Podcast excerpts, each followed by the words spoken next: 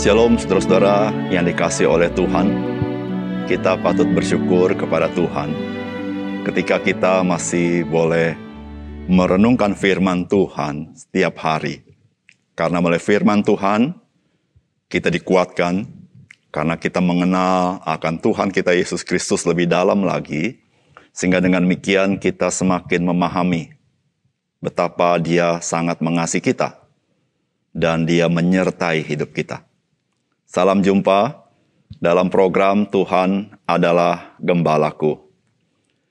Pernahkah saudara bertanya, apakah bedanya kedatangan Tuhan Yesus dengan para nabi yang diutus oleh Allah? Mengapa percaya kepada Yesus menjadi begitu penting? Mengapa orang-orang percaya selalu memberitakan tentang Yesus Kristus? Bukan memberitakan misalnya tentang Nabi Yesaya atau nabi yang sangat dihormati oleh bangsa Israel yaitu Nabi Musa. Atau mungkin memberitakan mengenai seorang raja yang sangat dihormati oleh orang Israel yaitu Raja Daud. Atau mengapa tidak memberitakan mengenai seorang nabi yang luar biasa kuasanya seperti Nabi Elia? Ada apa dengan Yesus Kristus? Saudara siapakah dia sehingga dia begitu penting dari siapa pun? Bahkan dari nabi yang paling besar sekalipun. Yesus jauh lebih penting daripada semuanya itu. Saudara mari kita membaca Yohanes pasal 12 ayat 44 sampai 50. Tetapi Yesus berseru katanya, Barang siapa percaya kepadaku, ia bukan percaya kepadaku, tetapi kepada dia yang telah mengutus aku. Dan barang siapa melihat aku, ia melihat dia yang telah mengutus aku. Aku telah datang ke dalam dunia sebagai terang, supaya setiap orang yang percaya kepadaku jangan tinggal dalam kegelapan. Dan jikalau seorang mendengar perkataanku tetapi tidak melakukannya, aku tidak menjadi hakimnya. Sebab aku datang bukan untuk menghakimi dunia, melainkan untuk menyelamatkannya. Barang siapa menolak aku dan tidak menerima perkataanku, ia sudah ada hakimnya. Yaitu firman yang telah kukatakan, itulah yang akan menjadi hakimnya pada akhir zaman. Sebab aku berkata-kata bukan dari diriku sendiri, tetapi Bapa yang mengutus aku, dialah yang memerintahkan aku untuk mengatakan apa yang harus aku katakan dan aku sampaikan. Dan aku tahu bahwa perintahnya itu adalah hidup yang kekal. Jadi apa yang aku katakan, aku menyampaikannya sebagaimana yang difirmankan oleh Bapa kepadaku. Saudara yang dikasih oleh Tuhan, apa yang Yesus katakan dari bagian firman Tuhan yang kita baca tidak dapat dilakukan oleh siapa pun di muka bumi ini. Namun mungkin saja ada orang yang mencobanya dan nekat mengatakan seperti itu, namun ia tidak bisa memberikan landasan dasar apa pun apakah ucapannya benar atau tidak.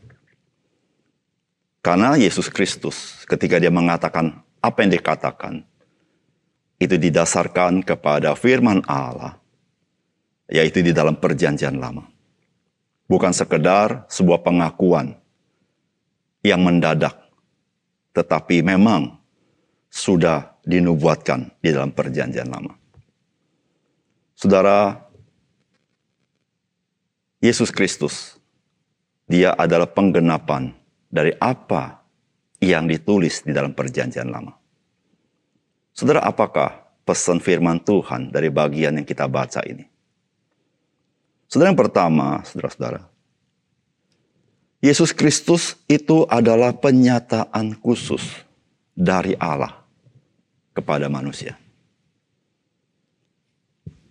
Firman Tuhan berkata, tetapi Yesus berseru katanya, barang siapa percaya kepadaku, ia bukan percaya kepadaku, tetapi kepada dia yang telah mengutus aku. Dan barang siapa melihat aku, ia melihat dia yang telah mengutus aku. Barang siapa menolak aku dan tidak menerima perkataanku, ia sudah ada hakimnya, yaitu firman yang telah kukatakan. Itulah yang akan menjadi hakimnya pada akhir zaman. Sebab aku berkata-kata bukan dari diriku sendiri, tetapi Bapa yang mengutus aku. Dialah yang memerintahkan aku untuk mengatakan apa yang harus kukatakan dan aku sampaikan. Dan aku tahu bahwa perintahnya itu adalah hidup yang kekal. Jadi apa yang aku katakan, aku menyampaikan sebagaimana yang difirmankan Bapa kepadaku. Saudara yang dikasih oleh Tuhan, apa yang Yesus katakan ini adalah sesuatu yang unik. Yang tidak bisa dikatakan oleh manusia mana pun.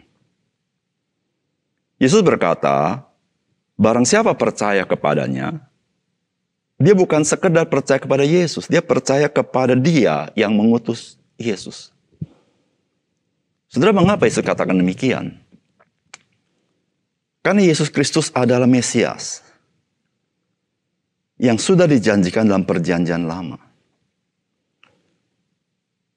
Saudara Mesias datang sebagai utusan Allah untuk melaksanakan misi Allah, yaitu misi keselamatan. Karena Mesias itu adalah juru selamat yang menyelamatkan. Di mana Alkitab mengatakan nanti akan tampil seorang seperti Musa. Apa artinya? Artinya adalah yang menyelamatkan, yang menebus. Dan itulah Yesus Kristus. Maka dikatakan, kalau kamu percaya kepada Yesus Kristus, kamu percaya kepada Dia yang mengutus Yesus Kristus. Dan kalau kamu tidak percaya kepada Yesus Kristus, kamu tidak percaya kepada yang mengutus Yesus Kristus.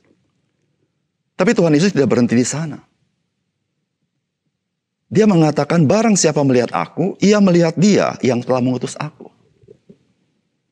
Mengapa Yesus berkata demikian? Karena dia adalah anak Allah. Sehingga barang siapa melihat Yesus, dia melihat Allah.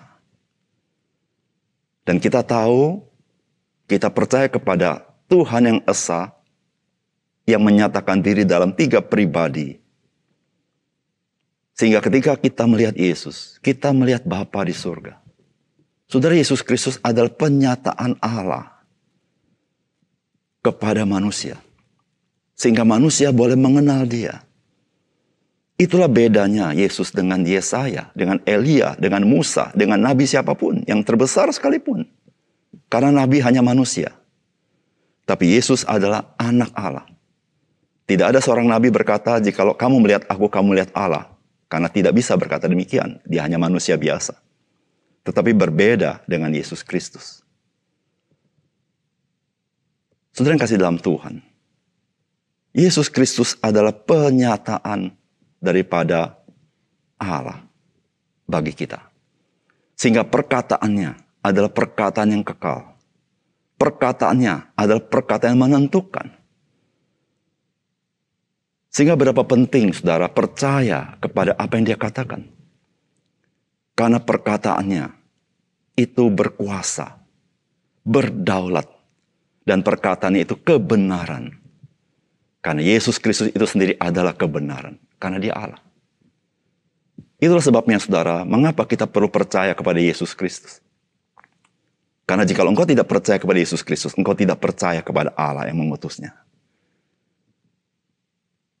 Saudara berbahagialah kita ketika kita boleh percaya kepada Yesus. Dan orang-orang percaya, biarlah dia hidup, boleh memperkenankan hati Tuhan. Karena dia datang, karena dia mengasihi kita. Yang kedua,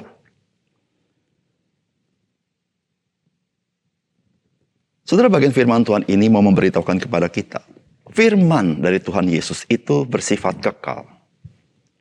Dan akan menghakimi siapa pun yang menolak Tuhan Yesus. Dan menolak firmannya. Saudara yang dikatakan di ayat 47 dan seterusnya. Dan jikalau seorang mendengar perkataanku tetapi tidak melakukannya, aku tidak menjadi hakimnya. Sebab aku datang bukan untuk menghakimi dunia, melainkan untuk menyelamatkannya. Barang siapa menolak aku dan tidak menerima perkataanku, ia sudah ada hakimnya, yaitu firman yang telah kukatakan. Itulah yang akan menjadi hakimnya pada akhir zaman. Sebab aku berkata-kata bukan dari diriku sendiri, tetapi Bapa yang mengutus aku. Dialah yang memerintahkan aku untuk mengatakan apa yang harus aku katakan. Dan aku sampaikan. Dan aku tahu bahwa perintahnya itu adalah hidup yang kekal. Jadi apa yang kukatakan, aku menyampaikannya sebagaimana apa yang difirmankan oleh Bapa kepadaku. Saudara perkataan Tuhan Yesus ini memberitahukan bahwa firman yang dikatakan Tuhan Yesus bersifat kekal. Karena firman itu tegak berdiri dan siap menghakimi barang siapa menolak perkataan Tuhan Yesus ini. Dan saudara-saudara, perkataan Tuhan Yesus, saudara-saudara, adalah juga perkataan Allah Bapa. Sehingga saudara-saudara, barang siapa yang menolak perkataan Tuhan Yesus, dia pun menolak Allah Bapa. Dan saudara, perintah Allah Bapa melalui Yesus Kristus adalah hidup yang kekal. Sehingga saudara, betapa mengerikan setiap orang yang tidak percaya kepada perkataan Tuhan Yesus. Karena ketika dia tidak percaya kepada perkataan Tuhan Yesus, dia tidak mendapatkan hidup yang kekal. Tetapi dia berada di bawah murka Allah. Saudara yang kasih dalam Tuhan, perkataan yang bersifat kekal itu adalah perkataan Tuhan. Perkataan manusia tidak bersifat kekal, tetapi perkataan Tuhan Yesus bersifat kekal. Sehingga saudara-saudara, ketika engkau hari ini bersikap tertentu kepada perkataan Tuhan Yesus, itu mempunyai impact yang kekal dalam hidupmu. Oleh karena itu, saudara, karena kita tahu siapakah Yesus, melalui firman-Nya, dia tidak sama dengan semua orang, siapa pun manusia itu. Karena dia adalah Mesias yang dijanjikan. Dia adalah anak Allah. Sehingga waktu kita percaya kepada dia, kita percaya kepada Bapa yang mengutusnya. Waktu kita melihat dia, kita melihat Allah Bapa. Sehingga ketika kita mengenal Yesus, kita mengenal Allah. Saudara, mari kita merespons percaya kepada dia. Ketika engkau percaya kepada dia, maka firman itu meneguhkan engkau dan saya. Di akhir zaman nanti, bahwa engkau adalah anak Allah. Engkau adalah ahli waris sorga. Karena engkau diberikan roh kudus sebagai metrai. Jaminan akan keselamatan sepenuhnya yang akan kau terima nanti. Sedang kasih dalam Tuhan, mari kita mencintai Tuhan Yesus. Mari kita percaya kepada firman-Nya. Mari kita mentaati firman-Nya. Menghidupi firman-Nya supaya kita boleh mengalami kasih sayangnya terus menerus melalui pemeliharaan firman dalam hidup kita. Mari kita berdoa. Bapak surga terima kasih untuk firman Tuhan. Karena firman-Mu adalah penyataanmu kepada kami. Supaya kami lebih mengenal akan siapakah Yesus.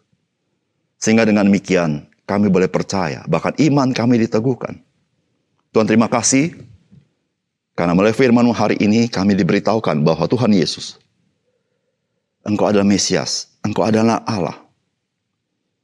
Engkau jauh lebih besar daripada para nabi, siapa pun nabi itu. Jauh lebih besar daripada imam, siapa pun imam itu. Engkau jauh lebih besar daripada rasul, siapa pun rasul itu. Karena semua itu hanya manusia. Tetapi engkau adalah anak Allah. Dan firman yang kau katakan adalah firman yang kekal yang siap menghakimi siapa pun yang menolaknya.